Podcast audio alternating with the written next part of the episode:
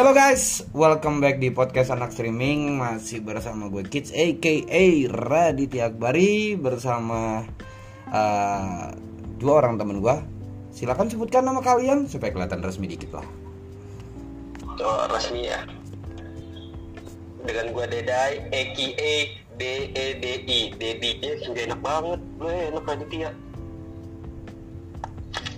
Temen kita yang satu lagi siapa ya? Kok kalian uh, introduce yourself gitu gitu banget ya oh kalau gue Deva Deva aja lah Oh, nggak pakai oh, Deva aja ya? apa Nggak pakai ID, Nah, oke, karena oke. orang manggil gue tuh uh, ini nyai gitu Oh, enggak, kalau gue sih, kalau lo jadi seorang nyai gue serem juga ya. Uh, mohon maaf, uh, lu kata lu Nikita Mirzani. oh iya of course Oke, oke. gimana nih hari ini kabar pada pada sehat semua kan ya Alhamdulillah, kita masih selalu baik. kesehatan Alhamdulillah, kali ini kita kayaknya akan membahas sesuatu yang viral ya guys ya. Iya. Yang yang yang serius, kita sedikit ngebahas sesuatu hal yang serius. Di mul eh, eh, kita eh, nge-podcast kali ini eh, temanya tuh diambil dari keresahannya si Dedai sih sebenarnya Eh, membahas masalah sospol gitu loh, sosial politik di mata kita anak streaming sih gitu loh. Jadi kurang lebihnya gue sih gue sih ngikutin alur aja sih Pak. Gimana maunya Deda gitu loh. Jadi kita berpendapat berdasarkan apa yang ada di otak kita, apa yang kita rasakan, apa yang kita rasain, terus naluri kita mau ngomongin apa tentang yang beredar saat ini di sosial media dan di dunia nyata ya, maksudnya masalah politik-politik yang sekarang terjadi gitu. Eh, gue lempar ke Dede sekarang, silakan deh, lu mau ngebahas apa deh? Kita berdua ngikut, semoga kita paham dengan apa argumen atau tema yang lo keluarin hari ini. Silakan Dede. silakan Oke, wow kaget gua. Sorry, sedikit gangguan karena itu eh, buat bikin kita ini aja sih agak dor daerah daya. Oh iya, gue lanjut ya dengan pembahasan kita saat ini yaitu tentang politik. Mungkin benar itu perasaan gua ditambah lagi kenapa sih gue mau bahas karena sesuatu yang viral tuh ganjil banget buat gua kalau misalkan gua nggak bahas ya. Co- salah satu contohnya adalah tentang eh, undang-undang RKUHP saat ini. Nah, menurut seorang anak-anak streaming nih, ya anak-anak streaming, kalian ada setuju atau enggaknya gak sih sama undang-undang tersebut? Terus menurut kalian yang kalian lihat di balik layar televisi kalian, entah itu kalian lihat dari YouTube atau sosial media lainnya, menurut kalian sendiri untuk temen gue Aditya aka Kids ya ataupun Deva hmm, di mata kalian apa tanggapan kalian tentang undang-undang saat ini dan kenapa banyak sekali diprotes oleh para mahasiswa. Mungkin gua akan lemparkan untuk tanggapan saat ini untuk Deva. Monggo dari Deva. Gue nih. Gue nih gue nih. Oke. Well to be honest guys gitu ya. Kalau menurut gue sih dan semoga ini hanya sebuah plan gitu ya. Karena ini masih sebuah rancangan masih plan saja gitu. Semoga ini tidak akan disahkan semoga ini tidak akan menjadi eh, suatu oh, yang akan merugikan. Aku aku pikir sih merugikan Indonesia sendiri seperti itu ya. Eh, gue jujur dari mata anak live streaming dan gue pribadi well big no for that stupid rules gitu loh. Eh, stupid law yang Indonesia rancang Indonesia buat buat eh, kami para rakyat buat kami para eh, mahasiswa para pekerja semuanya. Bagaimana dengan orang pekerja malam sih? Maksudnya nggak semua pekerja malam itu ada eh, berkonotasi negatif. Bagaimana dengan perawat bidan dokter? Mereka ada shift-shiftan shift malam. Benar kok makanya banyak meme-meme itu yang bilang ya udah kalau misalkan nanti bagaimana dengan kami? Kalau mau lahiran ya udah ke kantor DPR aja kayak gitu-gitu gitu kan. Well stupid gitu loh menurut gue gitu. Dan gue nggak setuju apaan segala anak ayam lah dibawa-bawa masuk rumah orang tetangga denda segala-gala pula lah. Eh, kalau mau perkosa istri sendiri oh come on gitu loh. Kalian itu buat peraturan itu kok kayak nggak mikir gitu loh. Apa sih gitu udah kayak dan ini adalah ini ini pure ya. Gue dapat protes sebagai orang Indonesia. Gue dapat protes dari teman-teman uh, bule gue. Yang notabene mereka itu uh, pengen datang ke sini berinvestasi di Indonesia. Uh, they are American gitu ya. Mereka datang mereka protes DM gue di Instagram semalam. Terus beberapa lagi juga seperti itu. Ada yang WhatsApp gue gitu bilang uh, Diva dia bilang what the hell is going on with Indonesia? Dia bilang kayak gitu. What happened? Why uh, they make such a stupid law like that? They bilang why we all cannot do something which is like uh, come on guys. You guys already want to kayak kalian gimana bisa membangun negara kalian kalau kalian membuat peraturan yang seperti itu gimana orang-orang foreigner bakal masuk ke negara kalian dengan stupid itu uh, dengan stupidity yang kalian buat sendiri seperti itu. Jadi gue pun juga ngerasa tidak nyaman sebagai warga Indonesia sendiri gitu loh. Apa yang uh, terjadi saat ini sampai-sampai protes lah demo demo lah di mana-mana gitu loh. Oh, tapi karena gue tidak bisa berkata terlalu banyak dan protes gue belum tentu didengar wah ini cuma ungkapan inisiatif gue nggak tahu ya sama Kit. Nggak ngerti juga Kit uh, apakah Kit punya solusi atau Kit punya jalan keluar ini semua. Coba deh gue pengen dengar juga. Oke, kalau misalkan dari lo sendiri seperti itu ya berarti dengan adanya undang-undang seperti ini tuh lo nggak menerima keseluruhan dengan apa yang sudah tertulis gitu ya walaupun belum disahkan. Tidak mau disahkan karena ya akan mempersulit bisnis dari luar ke dalam negeri kita sendiri gitu dengan beberapa iya. konten dari teman-teman lo sendiri ya Iya gitu. Sedangkan kan mereka bukan Indonesia kan gitu. Para investor kebanyakan kan dari luar itu berdampak juga gitu loh. Banyak Australian yang pengen datang kemarin sudah dibatalkan. Kenapa? Karena mengingat semua itu gitu loh. Gue di sini nggak bisa sih maksudnya yang kalau kita bicara syariat Islam mungkin itu kayak berzina apa segala macam. Cuman kan mereka itu adalah seseorang yang penuh dengan uh, kebebasan ya open minded mereka open up orangnya. Mereka ingin menyampaikan apa melakukan apa terserah. Selagi tidak melanggar hukum gitu. Tapi dengan adanya itu mereka cancel semua. Banyak penerbangan di cancel dari luar termasuk teman gue relasi-relasi eh, yang gue tahu gitu. Mereka kayak kesel sendiri sama Indonesia. They call Indonesian uh, government and president stupid just because of the new rules, the new law yang mereka ingin uh, keluarkan seperti itu. Uh, Oke, okay. kalau itu buat tanggapan seorang Deva ya di mata seorang streaming ya kan, dan ini uh, perwakilan hati seorang wanita karena Deva seorang wanita guys, jadi dia membicarakan apa yang dia ingin ungkapkan walaupun dia belum mengetahui gitu, ini bakal sampai ke telinga orang atau tidak terus apakah yang diharapkan itu akan terjadi atau tidak gitu kan? Well kita bakal lempar lagi ke saudara kids. Bagaimana sih tanggapan seorang kids nih? Ini biasanya nih gue paling nunggu-nunggu nih. Seorang kids sih biasa otaknya kan lancar banget ada aja di otaknya yang bakal dibahas sama dia. Jadi untuk tanggapan seorang kids di mata seorang kids bagaimana dengan undang-undang yang dibentuk saat ini walaupun belum disahkan dan apakah lu setuju atau tidak. Monggo Mas Kids halo halo halo halo halo. Sorry sorry barusan ini gue telepon. Gue bilang ini lagi rekaman anjing. Gue bilang jangan ganggu. Gue bilang kayak gitu. Gue pakai tanda seru dong. Dia bilang ah masa? Eh, nggak percaya. Gue bilang repot lu kalau nggak percaya ntar tanya aja sama Deda sama Deva. Gue bilang kayak gitu. Masih aja nggak percaya. Bentar, sekarang gue mau ngebahas, uh, kita mau ngebedah ininya dulu ya beberapa pasal kontroversial yang masih dalam rancangan undang-undang KUHP. Ini gue bahas. Ada 10 pasal. Uh, gue gue ngelihat tulisannya aja, gue udah ngakak. Dan bakalan uh, imajinasi gue sebagai seorang seniman itu udah mulai main gitu loh. Ngeba ngelihat satu persatu pasalnya. Ini gue persingkat, gue pad, uh, padetin kata-katanya dan gue kasih imajinasi ke kalian yang ngedengerin ya. Uh, pasal pertama, ayam peliharaan masuk dan makan di kebun orang denda 10 juta. Gue pernah ngebahas ini di siarannya si Dedai. Ada salah satu teman kita yang ngebahas ya masa uh, kalau lu nggak mau kena denda ya udah ayam lu lu kandangin. Well hello bos. Ya, gue gue beneran pengen ngebahas, tapi ini orang emang beneran batu. Dia ngelihat berdasarkan logika orang keras kepala. Tapi kalau gue mau bedah lagi, gue bedah lagi nih sekarang di sini. Secara singkat padat jelas.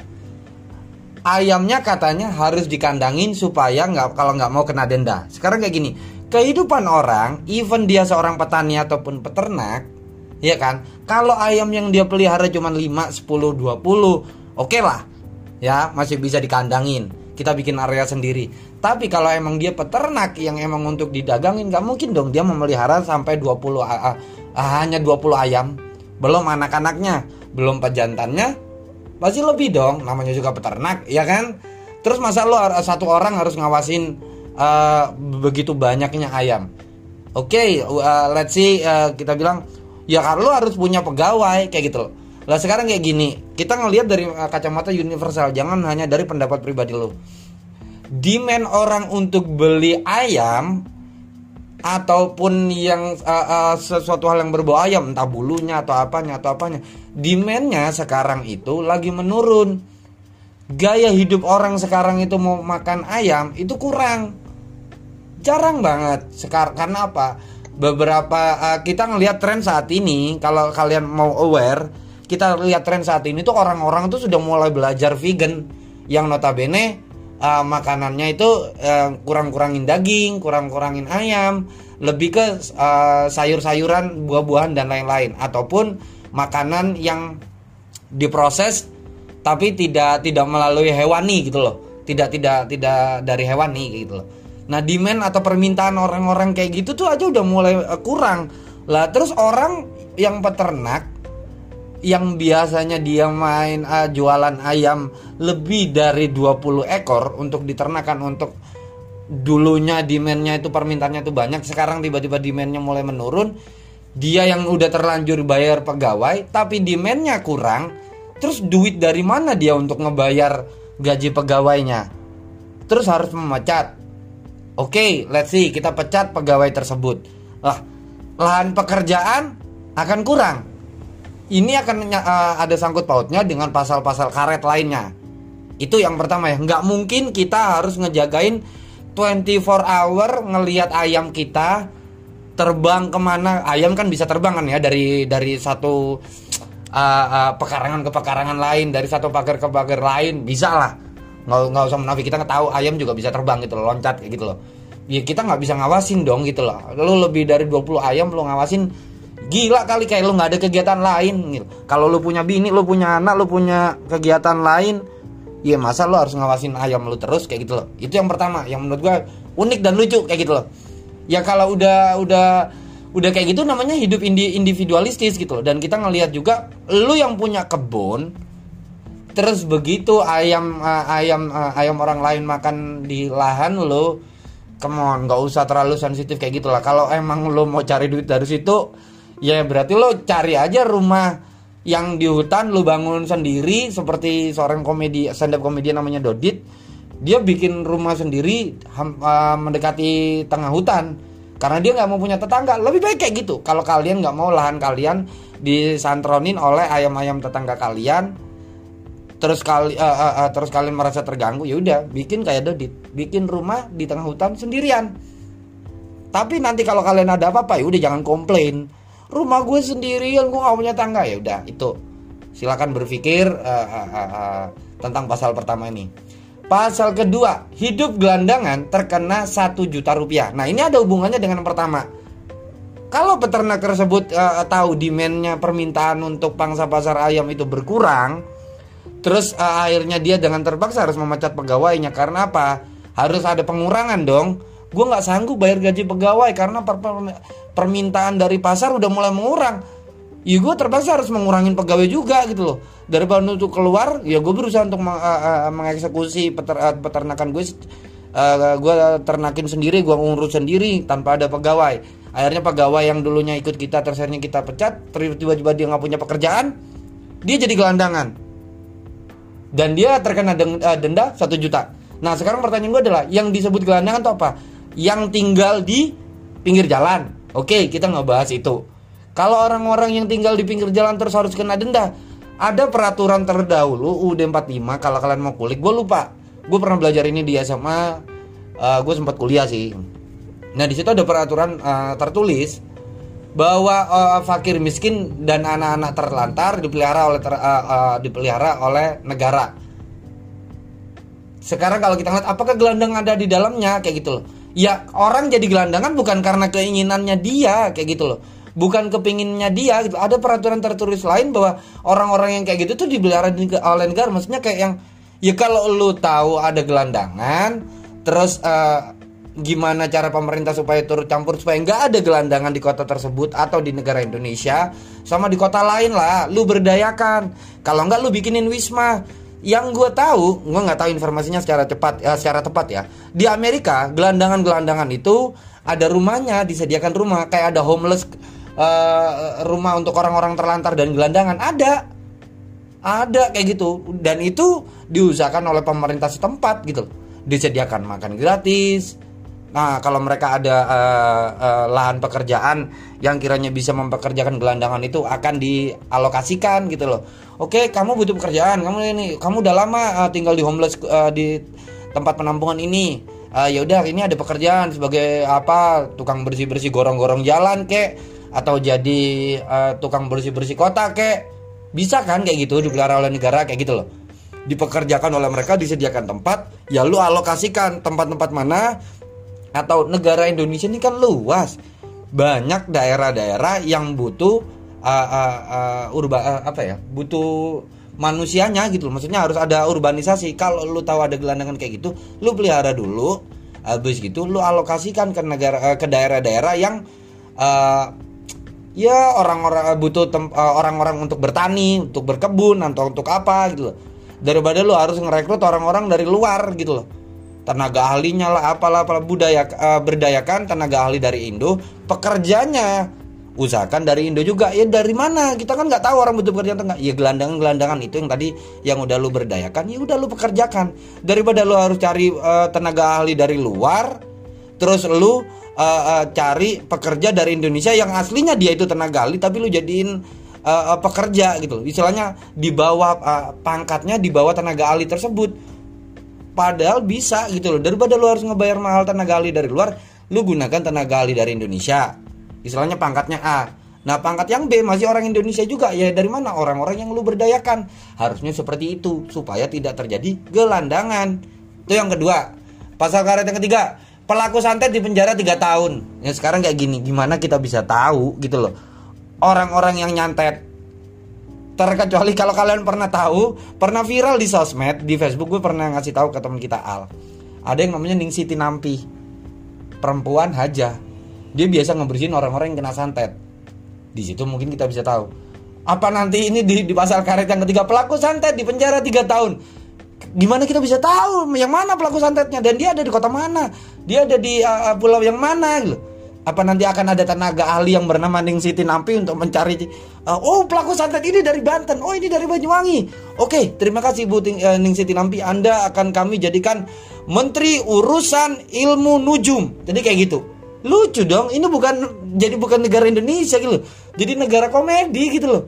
Nanti akan ada ahli khusus yang yang bisa tahu oke santet ini dari kota ini pelakunya namanya ini rumahnya di sini. Apa harus kayak gitu? Kan lucu. Ini pasal yang menurut gue paling aneh sih. Maksudnya aneh dalam unsur komedi ya. Nah yang keempat suami berkuasa istri sendiri di penjara 12 tahun. Ini gue bilang gue cuman komen tiga kata WTF what the fuck di mana kita bisa tahu kalau uh, posisinya kita lagi memperkosa atau enggak Kak, gue pernah ngebahas ini juga sama Deva, sama Dede juga. Apakah yang dimaksud dengan suami perkosa istri itu pada saat suami ngajak main hardcore? kayaknya yang bikin pasal ini ya gue gue yakin dah ini habis nonton uh, episode 1 uh, Shades of Grey terus habis gitu dia nonton Fifty Shades of Grey yang kedua habis gitu dia nonton versi komedinya yaitu Fifty Shades of Black. Kalau kalian mau lihat sisi kok apa komedinya dari film uh, Fifty Shades of Grey kalian mesti nonton Fifty Shades of Black. Di situ dia mengkomedikan Fifty Shades of Grey gitu. Atau mungkin yang bikin pasal ini nggak sengaja pernah main-main atau liburan ke Belanda. Terus dia datang ke Red District dan dia nyobain oh ternyata hardcore begini ya gue diikat gue dia gue kayak kayaknya dia kayak gitu sih. Dan dia uh, uh, atau mungkin ini perempuan gue gue yakin yang bikin ini mungkin perempuan. Terus habis itu dia ngelihat gitu di red district habis itu dia mau coba sama suaminya atau sama pasangannya dia atau sama selingkuhannya dia terus dia pengen nyoba gitu loh kok kayaknya sensasinya gimana ya? Gue coba ah gue diikat ah atau gue gimanain? Eh ternyata sakit ah tapi gue nggak mau nggak suka. Nanti suami-suami nanti kayak gini. Kita bikin peraturan seperti ini. Gue rasa kayak gitu ya. Gue rasa lo ya. Ini masih ada unsur komedinya juga. Suami diperkosa uh, suami perkosa istri sendiri di penjara 12 tahun. Kalau sudah dalam ikatan uh, pernikahan nggak ada yang namanya perkosa. Kalaupun perempuannya nggak mau terus lakinya lagi ngebet banget.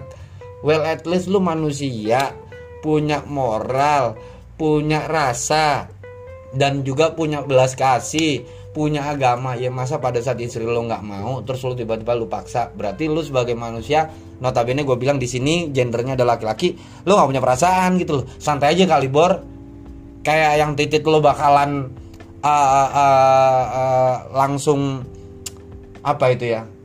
Kalau uh, susah ereksi begitu nggak nggak having sex sehari atau dua hari ya enggak dong ya santai lah kali gitu loh. Ya kalau istri lo lagi nggak mau atau dia lagi dapat ya kalau mau istri lagi dapat terus lo lagi kepingin banget ya masa lo uh, tega gitu loh. Ya lu nggak jijik apa kalau perempuan ya even itu istri lo sendiri dia lagi dapat terus lo gituin jijik kali. Bukan gue bukan bukan seksisme ya. Maksudnya gue bilang ih perempuan jijikin. Enggak enggak enggak gitu loh kita berbicara dalam hal yang normal perempuan lagi uh, menstruasi terus lo ngajakin begitu. Ya. Yeah. come on kayak gitu loh. Kalian tau lah kayak gitu. Atau kalau uh, uh, oke okay, kita berpikir secara normal.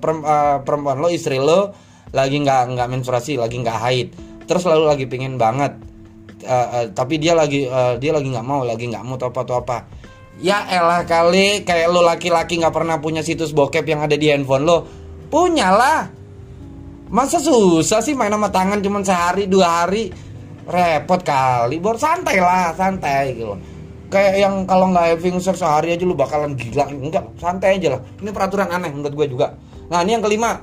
Setiap orang yang melakukan hidup bersama sebagai suami istri di luar perkawinan di penjara 6 bulan.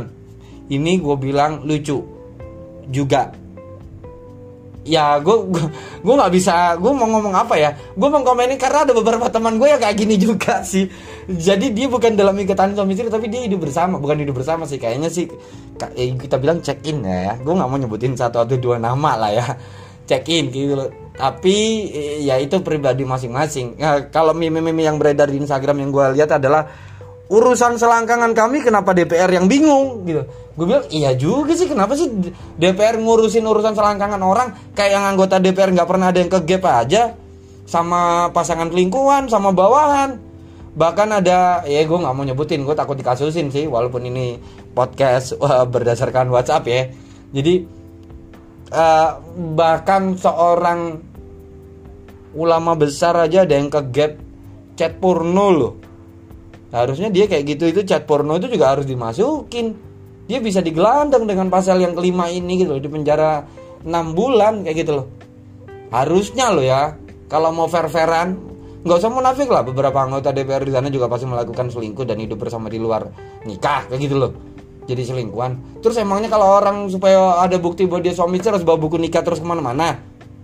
Pada saat dia mau liburan ke mana terus nginep di hotel yang mereka uh, tipikal adventure atau tipikal traveling terus mereka uh, budgeting kayak gitu kan tinggal nginep di hotel. Uh, uh, mereka uh, hotel budgeting terus mereka nggak nggak tahu di situ ternyata ada lagi penggerbekan. Terus mereka ditangkap eh kalian bukan pasangan sama eh kami sama istri pak. Mana buktinya? Terus ke mana-mana kita harus liburan traveling atau apa harus ada tanda bukti anak gitu. Atau mungkin cincin atau mungkin yang lebih valid kalian berharap kita nunjukin surat nikah. Ya kali kita di, hidup di negara Amerika yang ke mana-mana harus wax pakai kalung yang kayak roda kecil bisa diputar terus harus berkilau terus ada tulisan dollar harus ada tulisan rupiah.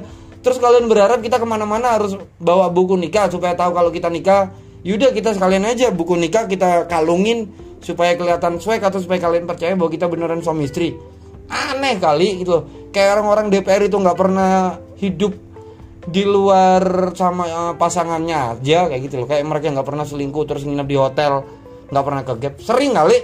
Munafik. Udah. Ini yang keenam.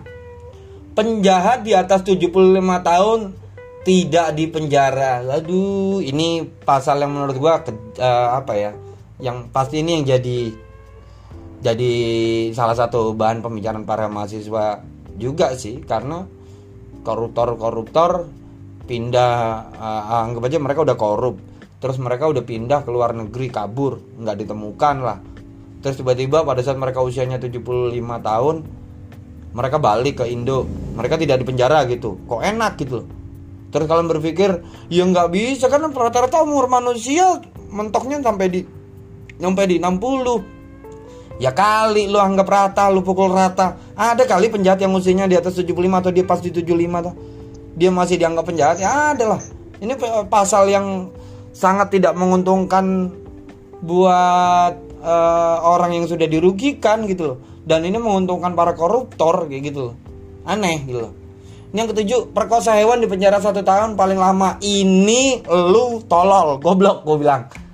Bos, ya lo kayak nggak ada perempuan atau nggak ada eh, ya gue bilang ya kayak nggak ada PSK atau kayak nggak ada kayak nggak mampu cari cabutan aja bos sampai harus perkosa hewan kan aneh gitu loh. Ini kayaknya yang bikin pasal ini pada saat dia nonton bokep terus nggak sengaja uh, mutualnya ada bokep itu ya manusia main sama hewan kali ya. Terus akhirnya dia ah iseng ah gue bikin pasal ini. Nggak mau tahu harus disetujui kan aneh gitu loh. Ya orang sakit jiwa sih menurut gua kalau perkosa hewan gitu loh. Nggak usah dibikinin pasal lu ngeliat aja kan lu goblok. Kayak nggak bisa cari cewek cabutan atau lo- kalau nggak bisa bayar orang kayak lo apa nggak bisa nikah kayak apa kayak ya, supaya resmi gitu loh sampai main sama hewan gitu loh. Fantasi lu gila gue bilang aneh pasal ini gitu. pasal yang ke-8 bersikap tidak hormat terhadap hakim di penjara 5 tahun. Ini juga aneh sih gue bingung komentarnya kayak gimana. Bersikap tidak hormat. Maksudnya kalau ngata-ngatain hakim ya itu tidak hormat sih. Tapi kalau kita mengkritik hakim nggak apa-apa dong. Tergantung hakimnya hakim yang mana dulu. Hakim Molajun kali ya pemain basket. Ya kali. Udahlah aneh menurut gue 8 ini. Gue nggak tahu di sisi mana gue ambil uh, celah untuk diobrolin. Yang kesembilan kenakalan para bad boy dikenakan hukuman pidana denda 10 juta. Hello kayaknya nih orang yang bikin pasal ya. Gue ngelihatnya dia kangen sama filmnya Will Smith sama Martin Lawrence. Dia nunggu-nunggu film Bad Boy kedua. Terus habis itu kok lama dibikinnya? Ah begitu akhirnya keluar Bad Boy 2 anjing lu kelamaan. Gue nungguin film lu gue bikinin pasal nih. Kayaknya kayak gitu ya. Gue gak tahu harus dibahas dari sisi seriusnya sebelah mana gitu. Gue nggak bahasnya dari sisi komedi aja lah ini. Kayaknya dulunya dia nih anak motor atau anak geng anak eh, mana lah. Anak berandalan terus kayaknya dia punya tato deh di lengannya atau di dadanya. Bad boy for life kayak gitu. Terus iseng-iseng bikin uh, pasal ini loh. Diangkat gak ya pasal gue? Diangkat gak ya? Kayaknya mereka kayak gue ngerasa kayak mereka tuh cap cip cup ayo ayo ayo kita cap cip cup Eh, eh, nanti lu punya pasal apa lu punya pasal apa. Eh, kalau lu menang lu boleh ajuin pasal yang lu pingin. Kayaknya ini pasal cap cip cup deh gue bilang. Ini yang ke 10 ya. Pengkritik presiden di penjara 6 bulan. Ah ini gue udah bahas. Ini gue ada sisi setuju dan tidak setuju di sisi setujunya adalah itu emang benar simbol negara. Nggak boleh lo kritik semaunya. Tapi di sisi gue nggak setuju adalah di sini kita nggak bisa tahu batasan di sisi mana kita boleh dan tidak boleh. Jadi harus ada peraturan lebih detailnya maksudnya kayak A, B, C atau D-nya. Kayak yang lo nggak boleh mengkritik presiden satu umpamanya fisik atau kulit atau ras itu nggak boleh. Nah kita tahu batasannya kayak gitu. Jadi di luar itu ya kita kritik presiden nggak apa-apa gitu loh kita mengkritik kinerjanya dia kek 100 hari dia kerja kek dua tahun dia kerja kek atau janji-janji yang dia keluarkan pada saat eh, pemil- eh, caleg dulu gimana capres gimana eh capres ya sorry sorry. Pada saat capres itu janjinya dia gimana. Nah kita kritik. Nggak apa-apa gitu loh. Orang yang baik adalah orang yang mau dikritik. Nanti lo juga punya kesempatan yang sama di saat lo jadi rakyat atau lo jadi netizen lo berhak mengkritik orang gitu loh. Normalnya kayak gitu sih. Kalau lo mau mengkritik orang dan lo harus mau dikritik. Gue yakin dulu presiden kita pada saat dia jadi rakyat entah dia di kota mana pun dia pasti mengkritik dong pemerintahannya pemerintahan daerahnya. Nah begitu dia ada di posisi yang sama tapi ini lebih tinggi lagi ini mengepalai sebuah negara ya lu harus siap dikritik dong kalau lu nggak siap dikritik oke. Okay, di sisi sebelah mana kami nggak boleh mengkritiknya? Tolong jelaskan. Ada ada pasal-pasal terkaitnya gitu loh. A B C D nya gitu loh. Entah dari ras ke apa agama suku atau apa. Nah jadi kita tahu batasannya. Kalau cuma dikeluarin cara merta kayak gini ya terus lo mau jadi pemimpin yang semau lo sendiri ya apa bedanya dengan yang terdahulu gitu loh apa bedanya lo dengan diktator gitu loh? Negara ini apa kata gue? Iya kalau kata dia. Kalau kata orang-orang yang di belakang dia bisa berabe kita. Karena kalau orang yang di belakang dia uh, cuma satu orang nah ini kepentingan banyak orang bos. Kepentingan banyak partai. Kebanyak uh, uh, uh, kepentingan banyak pimpinan partai. Gue mau begini gue mau begitu gue mau begini gue mau begitu. Sementara dia hanya dijadikan pion. Dia kasihan ya antara kasihan juga. Gitu loh. Itu sih menurut gue nggak tahu kalau kalian uh, gue berharap sih pasal ini segera uh, segera diklarifikasi lagi sih. Termasuk juga pelemahan KPK gue bilang uh, nonsen. Kayaknya bakalan ada gue sempat ngelihat rumor-rumor gosip-gosip bahwa bentar lagi bakalan ada kasus besar gitu loh. Sebelum kasus besar itu terungkap KPK dilemahkan gitu gue ngelihatnya sih kayak gitu gitu. Karena kita ngelihat aja orang yang menurut kita baby face orang yang menurut kita lurus normal baik-baik kayak menteri olahraga kita Imam Narawi aja ternyata wah ternyata dia. Dadadadeng kayaknya bakalan ada yang lebih besar lagi dari seorang Imam Narawi yang akan uh, dibahas oleh KPK tapi sebelum KPK melakukan itu kayaknya oke okay, stop sampai di sini kau. Kayaknya gitu sih menurut gue. Semoga nggak terjadi lah. Amin. Udah silakan kalian. Gimana marah lo deh Kids itu penjelasan eh, bukan sedikit ya itu banyak banget ya lalu pembahasan dari saudara. Kids ya deh Pak ya. Panjang banget semua makanya itu yang gue makanya itu yang gue bilang dari pandangan seorang kids itu seperti apa tentang undang-undang ini gitu kan? Pasti dia tuh punya banyak kata-kata yang benar. Kembali lagi dari apa yang diobrolin kids. Gua menangkap 10 undang-undang yang ada ini adalah sebagai komedi tau nggak lo gue ambil sisi komedinya. Karena kalaupun untuk keseriusan yang benar untuk disahkan menurut gue negara kita negara bodoh. Beberapa pasal yang ditunjuk dari 10 oke okay, ada beberapa yang gue setujui. Tapi ada beberapa yang tidak. Dan itu sudah dibahas oleh kids ya buat teman-teman semua yang mendengarkan podcast ini. Dan kalau dari pribadi gue sendiri sih gue ngelihatnya aneh banget sumpah. Gue ngakak setiap hari kenapa gue mau bahas ini karena ini lagi viral-viralnya guys. Gila loh. Instagram, Twitter, sampai di YouTube yang sering gue cek-cek ya, gue nonton atau apa. Itu parah banget sih. Sampai saat ini juga tadi gue ngeliat beberapa video ulasan tentang mahasiswa yang uh, berinteraksi kepada pihak DPR yaitu Fahri Hamzah ya kalau nggak salah tapi gue tidak menjelekan kedua belah pihak karena gue sebagai rakyat juga gue sebagai anak streaming yang ingin membahas podcast ini ya gue ngelihatnya adalah ini ada kesalahan dari beberapa pihak. Yaitu yang pertama adalah pihak atas. Pihak yang mengesahkan walaupun uh, yang membuat gitu loh. Pihak yang membuat ini sekedar membuat menulis dan memposting. Paham nggak? Jadi tidak adanya kejelasan pada setiap pasal yang dibuat. Ya istilahnya kalau dalam bentuk Alkitab itu selalu ada kata-kata Alkitab, Al-Quran atau apa itu ada kata-kata yang tercantum atau artinya gitu. Tapi di balik artinya itu ada ungkapan lain yang dimaksudkan dalam arti tersebut. Nah sama aja seperti pasal ini menurut gua. Pasal yang dibuat dengan kata-kata tapi tidak dengan penjelasan yang pas gitu. Karena menurut gua sendiri untuk otak Indonesia ya gue tidak mau uh, berkata bahwa Indonesia bodoh tidak. Tapi Indonesia kurang cerdik kurang pintar. Dalam membaca sesuatu mereka selalu berasumsi dengan kata-kata yang tepat di depan apa yang mereka lihat. Tapi mereka tidak mengartikan sendiri. Mungkin kalau misalkan semua orang berpikiran seperti seorang kid mungkin Indonesia akan maju. Tapi keras karena karakternya dia.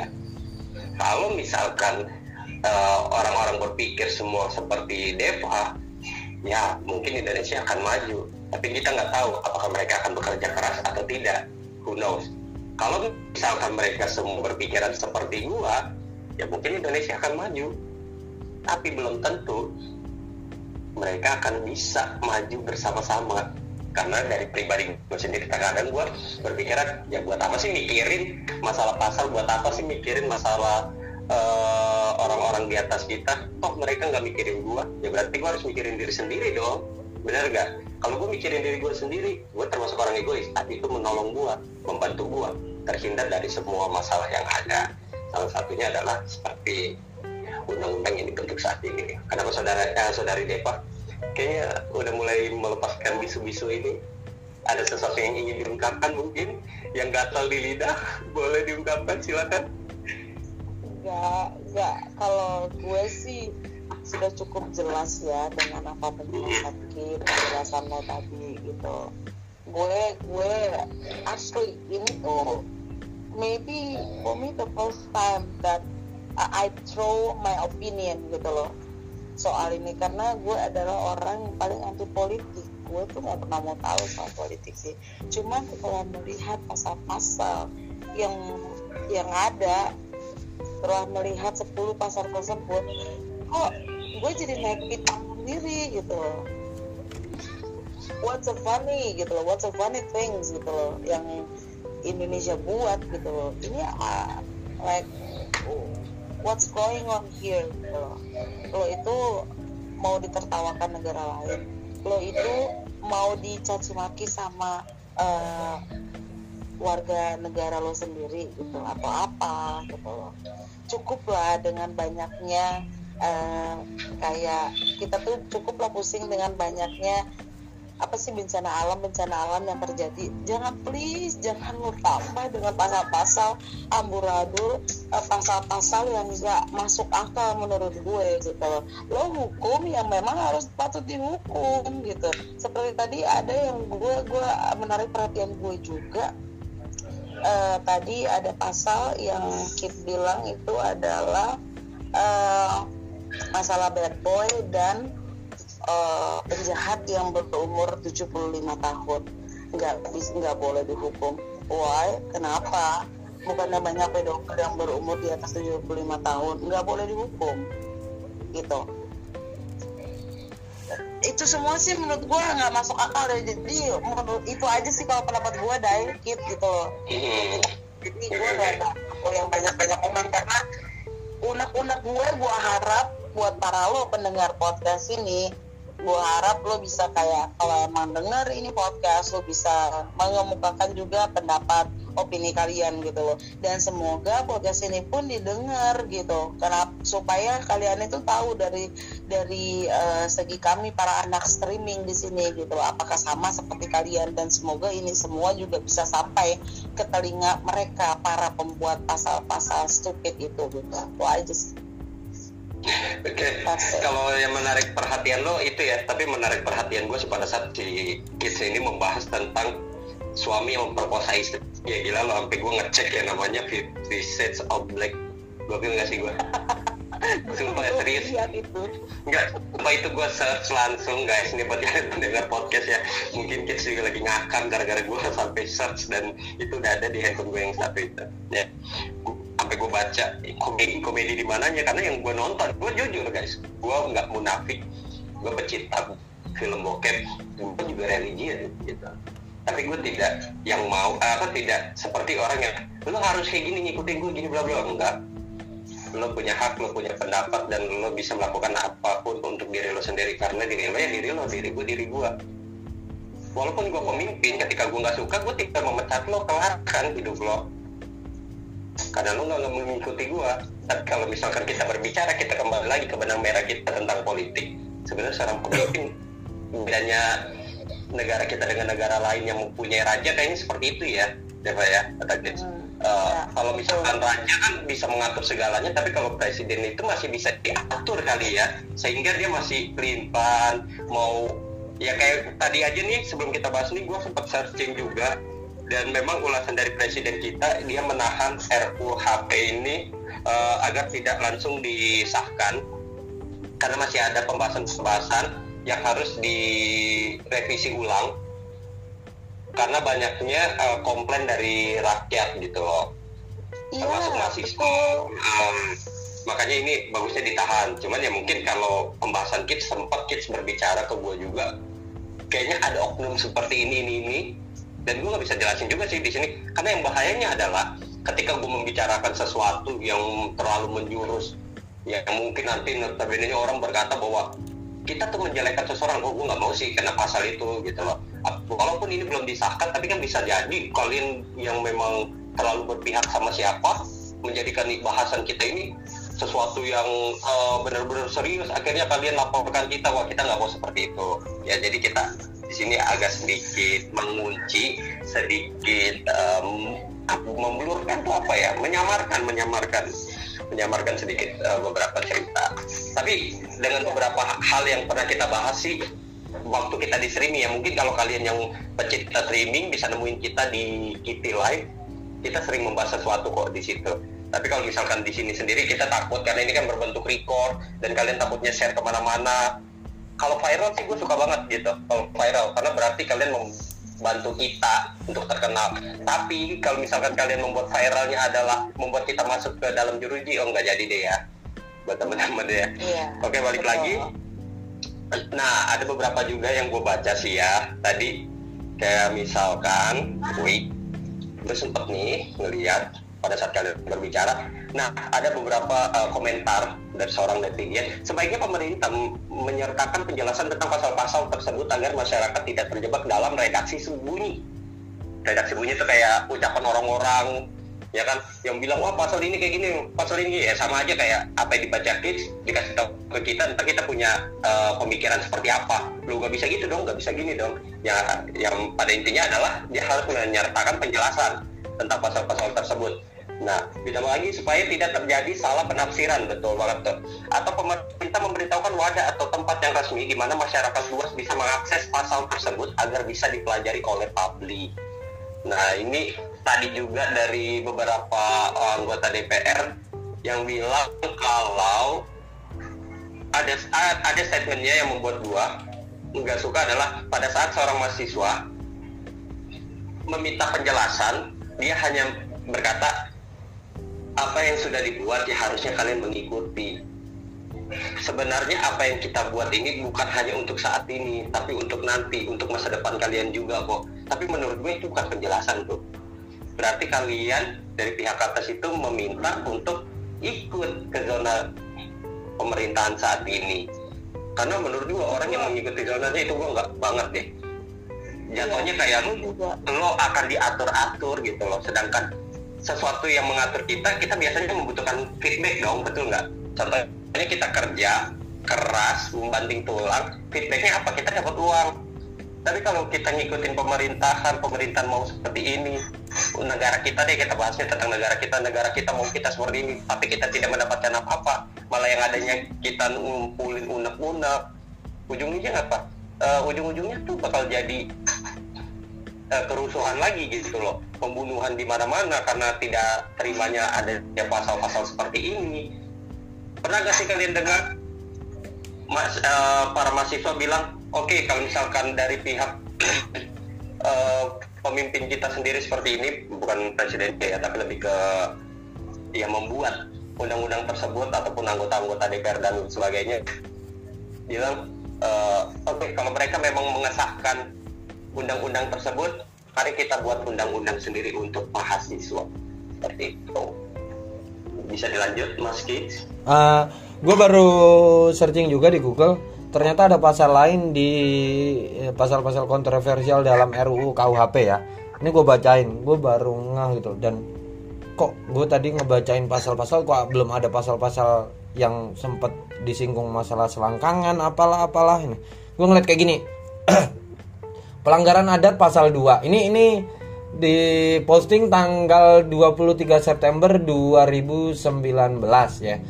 Ah, pasal-pasal yang selain yang tadi yang gue sebutin ada pelanggaran adat. Pelanggar hukum kewajiban adat di masyarakat bisa dipidana. Ini gue nggak tahu ah, yang kayak gimana gitu loh. Mungkin ya yang kayak yang dia nggak ngikutin adat mungkin bisa dipidana gue nggak paham. Gue nggak mau ngebahas sesuatu yang gue nggak nggak nggak ngerti gitu loh. Ini gue skip ya. Terus penangkapan ah, sorry pengekangan kebebasan pers dan berpendapat pasal 246 218 atau 219 sini terus 220 241 247 202 eh 302 303 355 354 440 dan 464 salah satunya wartawan atau warga net yang di yang dianggap menghina presiden wapres terancam hukuman pidana. Nah ini seperti yang tadi gue bilang harusnya kita tahu gitu loh batasan-batasan mana di mana kita bukan eh, bukan menghina ya mengkritik sih harusnya. Harus ada batasan-batasan di mana kita boleh mengkritik di mana yang tidak. Harusnya ada peraturan tertulis juga A B C D-nya. Sisi mana yang yang tidak boleh kita kritik harusnya di situ disertakan dengan tegas. Terus ini santet an- eh, pasal 252 ancaman pidana mengenai santet dinilai sulit dibuktikan emang. Iya masa lo harus mau ngangkat Ning Siti Nampi atau siapa pun praktisi spiritual untuk jadi menteri ahli nujum? Lo kira ini zaman itu Inggris kerajaan Inggris yang harus ada Merlin Merlin gitu? Sekalian aja naga-naganya suruh datang gitu ya. Tuh, ya, terus yang ini unggas berkeliaran pasal 271 ini udah ta- tadi udah kita bahas. Terus penistaan agama pasal 304 pelaku uh, penodaan agama dapat dipidana 5 tahun penjara. Well hello. Gua ngebahas ini ada salah satu imam besar yang dituankan di salah satu apa ya apa itu bilangnya organisasi ya. Ya organisasi lah ya. Yang dia juga menodai agama lain terus dia bisa kabur seenak udelnya ke luar negeri dengan alasan AIUEO sementara pemerintah kita cuma diem. Kalaupun pemerintah kita bergerak bergerak yang gimana gitu loh. Dan kalau mereka bilang ya ini kan negara Islam gini gini. Hello Pancasila itu dibentuk eh, dengan semboyan bineka tunggal ika gitu loh. berbeda-beda tetap satu jua gitu loh. dan agama yang ada di Indonesia itu nggak cuma satu banyak gitu loh. Kalau udah sistemnya harus yang wah ini harus Islam karena kan kita agama terbesar terus bineka tunggal ikanya di mana gitu. Negara ini dibentuk dari berbagai macam kultur etnis suku ras agama. Jadi ya kalau lo mau dikritik ya lo eh, eh, kalau lo mau mengkritik lo harus mau dikritik.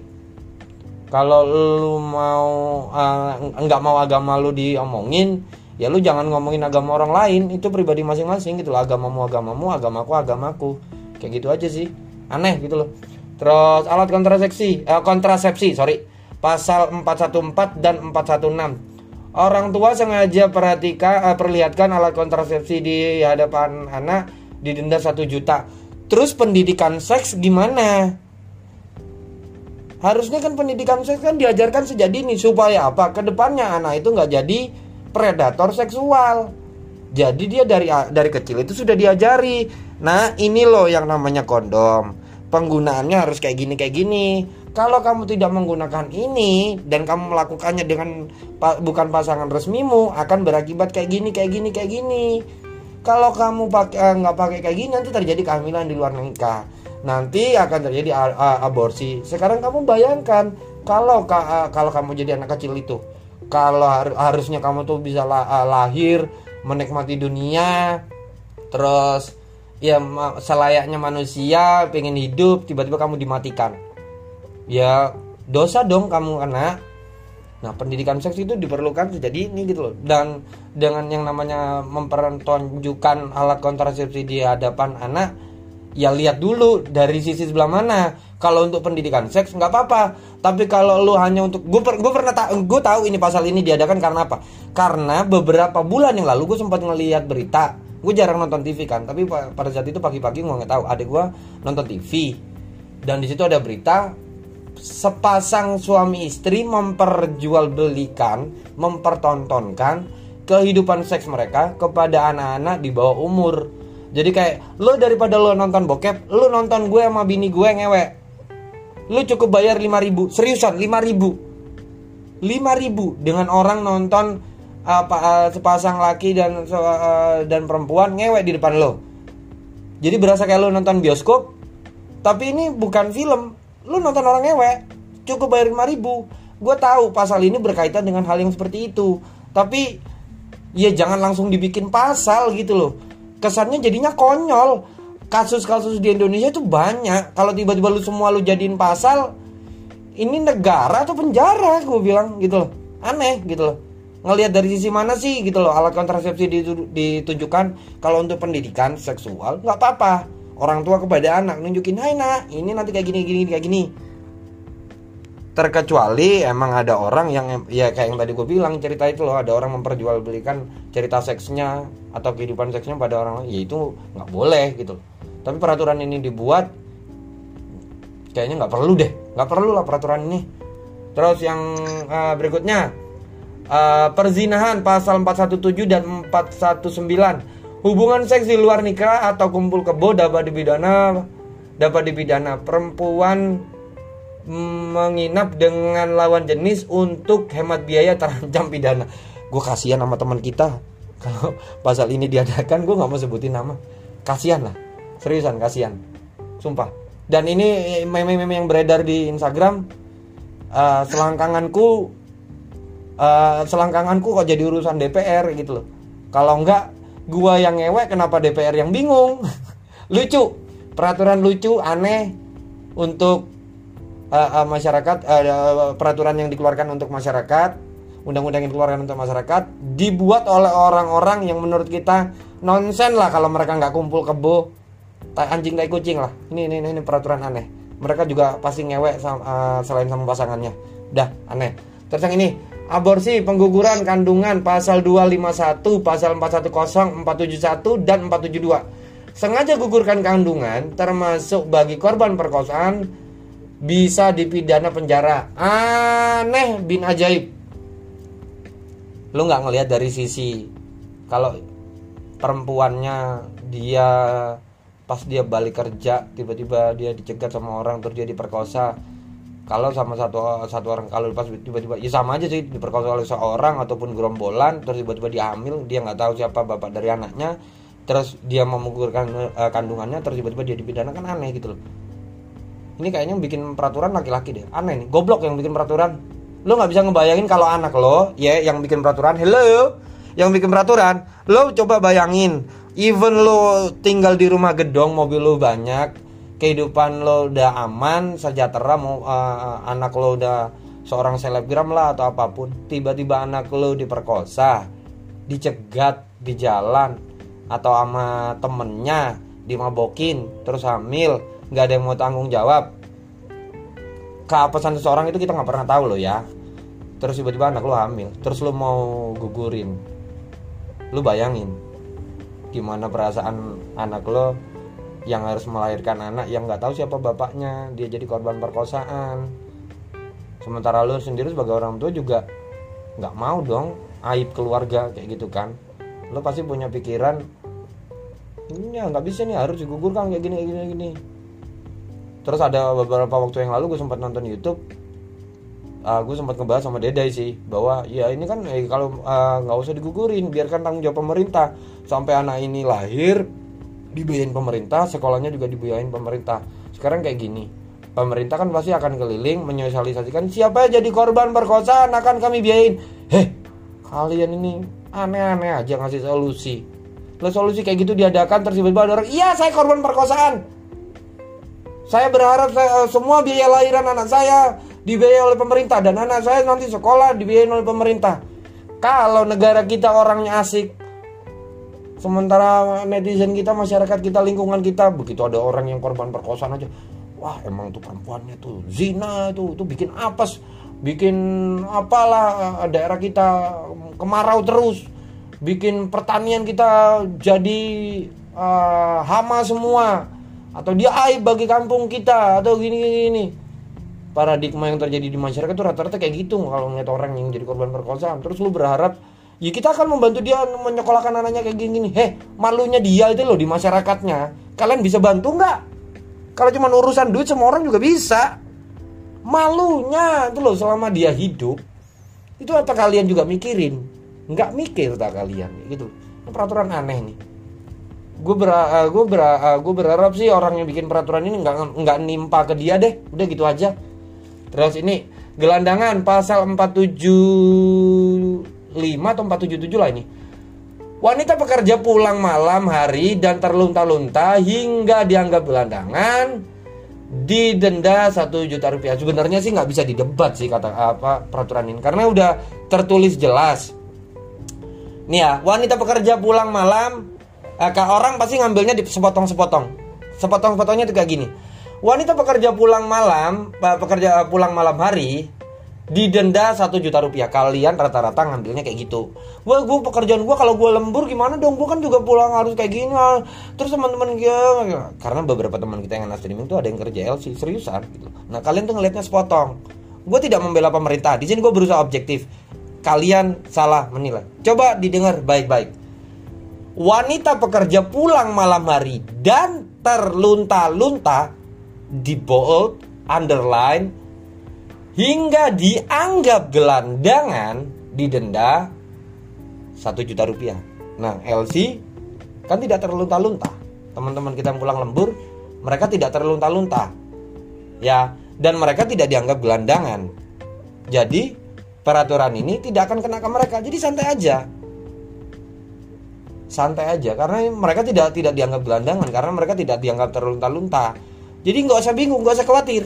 Kalian aman wahai para LC wahai teman-temanku yang para LC kalian aman. Udah gitu aja. Jadi peraturan ini tidak akan kena ke kalian. Karena kalian tidak terlunta-lunta kalian punya duit dan kalian tidak gelandangan. Karena apa? Handphone kalian pasti lebih dari satu dan harganya mahal. Jadi kalian tidak dianggap gelandangan. Kalian aman. Jadi gue uh, di posisi ini uh, eh, gue setuju sama pemerintah karena kalian kurang tepat membacanya dan kalian mengambil sepotong-sepotong. Nah, itu gue nggak suka. Nah, ini lagi korupsi pasal 604. Uh, koruptor terancam pidana minimal 2 tahun penjara dan denda paling banyak kategori 4. Ini peraturan yang melemahkan KPK dan gue tidak setuju dengan ini. Enak dong kayak uh, uh, mantan ketua DPR MPR kita. Dia udah korupsi anggap aja triliunan, puluhan triliun terus tiba-tiba dia uh, ketangkap KPK terus tiba-tiba bilang oke okay, gue di ber berapa tahun gue di penjara? Dua tahun. Oke okay, siap gak apa-apa. Eh tapi tolong dong fasilitas di penjara tolong kapain dong. AC ini ini ini ini. Tiap seminggu sekali tolong datengin perempuan dong tiap ini uh, datengin ini kan terus kalau uh, kalau mamanya dia uh, dia juga uh, butuh hiburan eh gue nanti tiap sebulan sekali gue pengen keluar ya. Ya paling enggak untuk lima jam lah gue keluar ke mana? Gitu loh biar menghirup udara bebas dikit lah kayak gini itu nggak akan berasa dua tahun anjing. Seriusan? Sementara yang lo korupsi banyak terus lo di penjara cuman minimal dua tahun nggak ada separuh dari yang lo korupsi udah bisa bikin lo berasa uh, hidup atau tinggal di hotel bintang 5 lo fasilitasin penjara lo nggak usah munafik. Orang-orang yang koruptor begitu di penjara Nggak ada yang mereka mengeluh, iya saya kurus, iya saya sakit, iya saya menderita di penjara, saya kapok, tidak akan korupsi. Nggak ada. Begitu disorot kamera senyum-senyum, heho, heho, heho. Aneh lah menurut gue ini. Nah itu pasal-pasal tambahan yang tadi belum gue uh, ungkapkan ya. Itu uh, opini gue. Gue balikin lagi ke Dedai. 10 pasal yang baru saja dibaca sama Kids itu adalah beberapa pasal yang sempat kita bahas di aplikasi streaming ya guys ya dan memang dari pasal-pasal tersebut sih gitu yang gue bilang ada beberapa yang gue setujui ada beberapa yang mungkin untuk bagi kalian para netizen ataupun masyarakat di luar sana ya rata-rata membacanya adalah dengan cara tidak tepat gitu loh. Selalu mengambil kesimpulan masing-masing ya kan? Selalu mengambil kata-kata yang memang menurut kalian wow nggak bisa nih seperti ini gitu itu yang gue bilang kenapa gue menyamakan beberapa pasal ini seperti Alkitab ataupun Quran yang di mana dia ada arti maksud tapi di balik itu ada maksud lagi gitu loh penjelasan yang lebih rinci. Nah seperti yang tadi beberapa netizen uh, komen di salah satu undang-undang yang disahkan eh, yang dibuat juga itu yang tentang dia minta lebih apa ya penjelasannya lebih lebih ini aja ya apa namanya supaya tidak terjadi salah penafsiran gitu loh untuk penjelasan penjelasannya dan buat para netizen netizen nih kids Deva gila nggak kerasa ya kita ngebahas ini mungkin kalau kita bahas lagi ini bakal panjang banget gitu loh bisa dua jam tiga Iya, udah satu jam lebih loh ini. nggak sih, guys bener gak Ah, sekali, sekali lagi gue cuma mau ngomong. Ya, In- gini, Nah, silakan. ya, gue kasih tau buat gue kasih tau buat teman-teman semua eh, para pendengar podcast ataupun lainnya. Ketika kita membahas yang namanya agama, tidak akan ada habisnya. Walaupun ada satu ulama yang benar, pasti ada ulama lain yang tepat. Kalau kita membahas negara, tidak akan ada habisnya. Kalaupun ada satu pemimpin, pasti ada bawahan-bawahan yang lebih pintar dibanding pemimpinnya. Ya, kalau kita bahas dunia tidak akan ada habisnya karena pasti ada yang kaya, si miskin dan si menengah. Ya.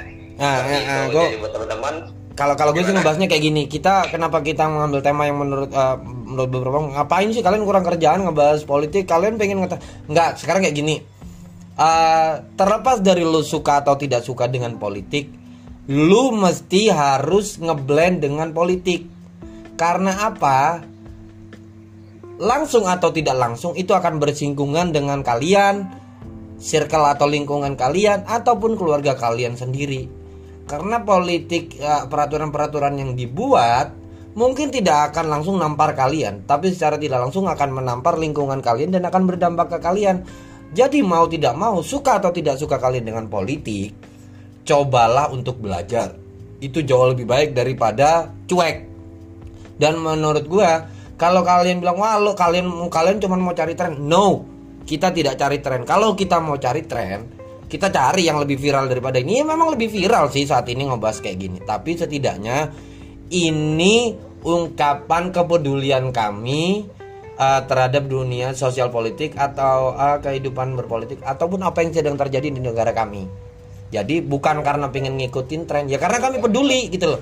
Sementara kami tidak bisa ikut turun ke jalan, sementara kami tidak bisa ikut uh, uh, seperti mahasiswa-mahasiswa itu uh, demo di depan gedung DPR, mungkin uh, uh, uh, menurut kalian nggak guna apa yang kalian lakukan, nggak bisa nggak membantu banyak, tapi setidaknya kami berusaha untuk peduli. Dengan cara ini mungkin tidak akan langsung nampar pemerintah, tapi kita berharap apa yang udah kita suarakan ini mewakili beberapa di antara teman-teman streaming dan dan dan apa ya ini bentuk bentuk kepedulian kami lah istilahnya. Kami nggak bisa turun ke jalan tapi kami bantu untuk menyuarakan. Yang kurang lebih mungkin ada beberapa kata dari kami ini yang sesuai dengan isi hati pikiran kalian ya kami berterima kasih kayak gitu loh. Dan kalau kalian yang ada komentar nyinyir eh, tadi gue lihat gitu ngapain sih mahasiswa mahasiswa itu eh, eh, sok-sokan demo kayak ngerti pasal aja kayak ngerti undang-undang aja. Padahal mereka belum tentu anak dari hukum gitu loh atau eh, nganggur kuliah aja yang bener. Hello yang komentar kayak gitu.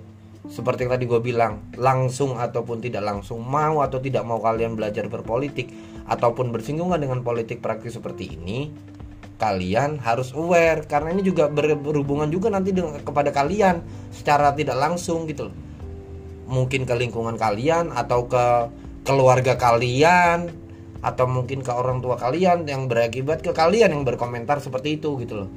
Justru mereka ini yang harus kita bantu gitu loh. Yang uh, uh, bantu dengan cara kalian semampu kalian. Bukan kalian nyinyirin kayak gitu loh. Lebih baik mereka masih jauh lebih baik mereka loh.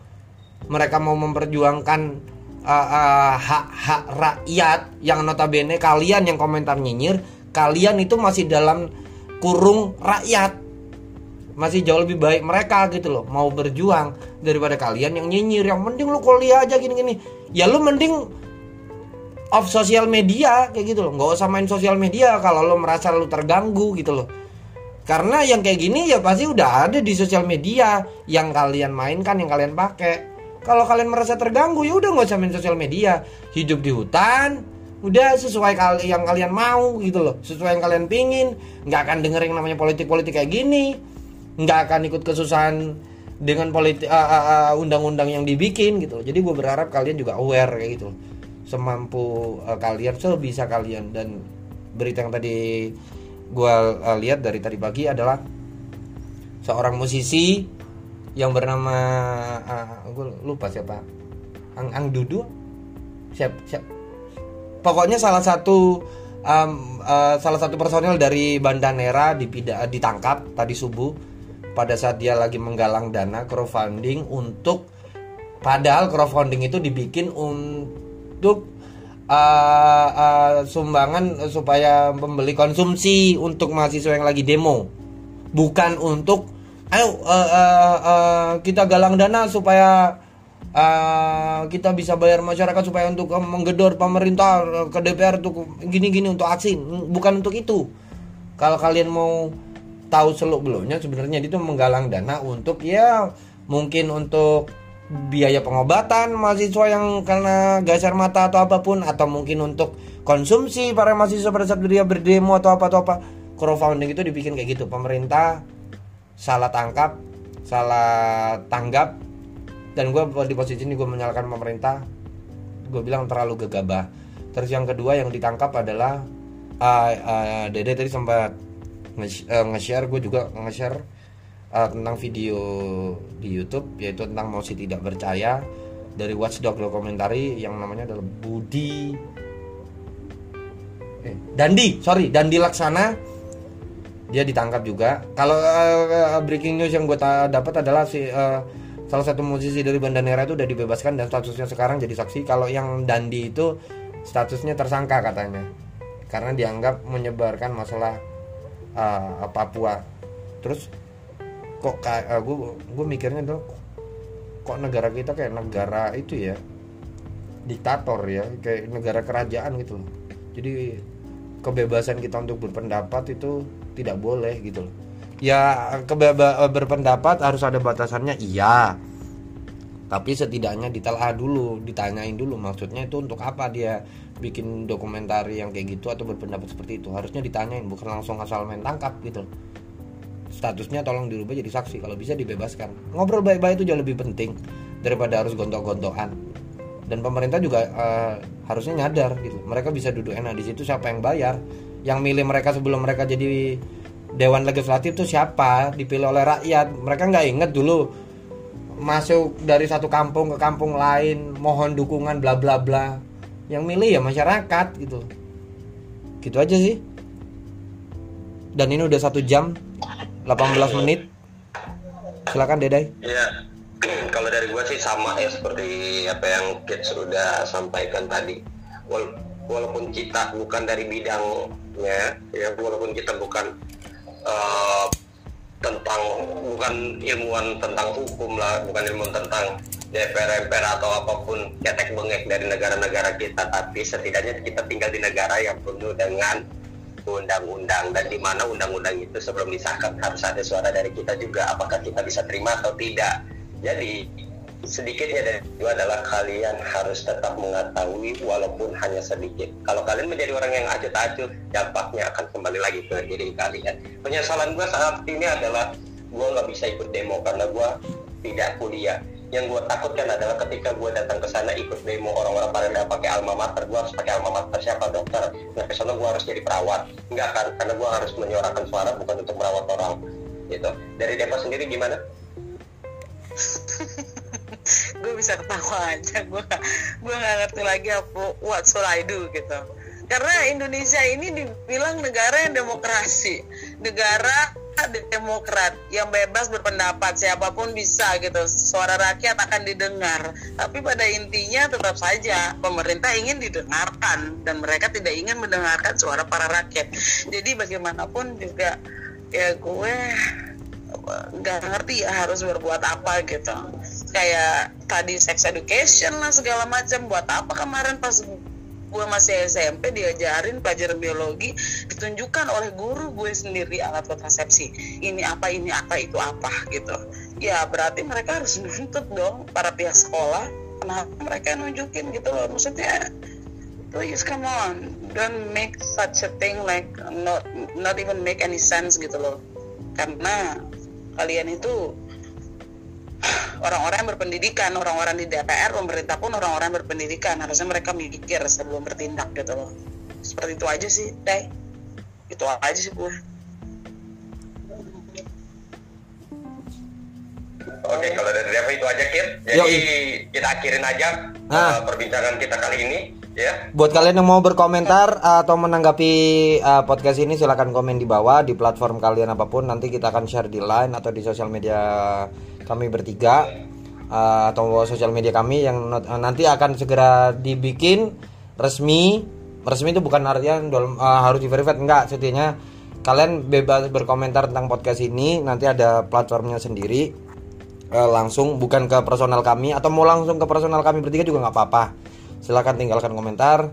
Dan kalau kalian mau tahu update podcast kami ini nanti di mana kalian download aja anchor.fm a n c h o r dot titik fm slash atau garis miring eh, podcast anak streaming silahkan di download di playstore kalian ada kok.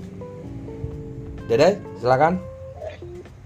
Oke, seperti biasa, karena waktu sudah terlalu lama, ya, thank you banget buat Kids, buat Deva untuk waktunya, walaupun kita masih ingin berbicara ya, cuman kalau kita bahas akan panjang-panjang, panjang-panjang lagi, jadi kita pamit undur, nggak ada kata-kata indah buat kalian semua, yang penting adalah kepedulian kalian untuk kita, bukan kemauan kita untuk kalian. Saya Dedai, saya kids Saya Deva. Saya Deva. thank you so much have a good day happy weekend bye guys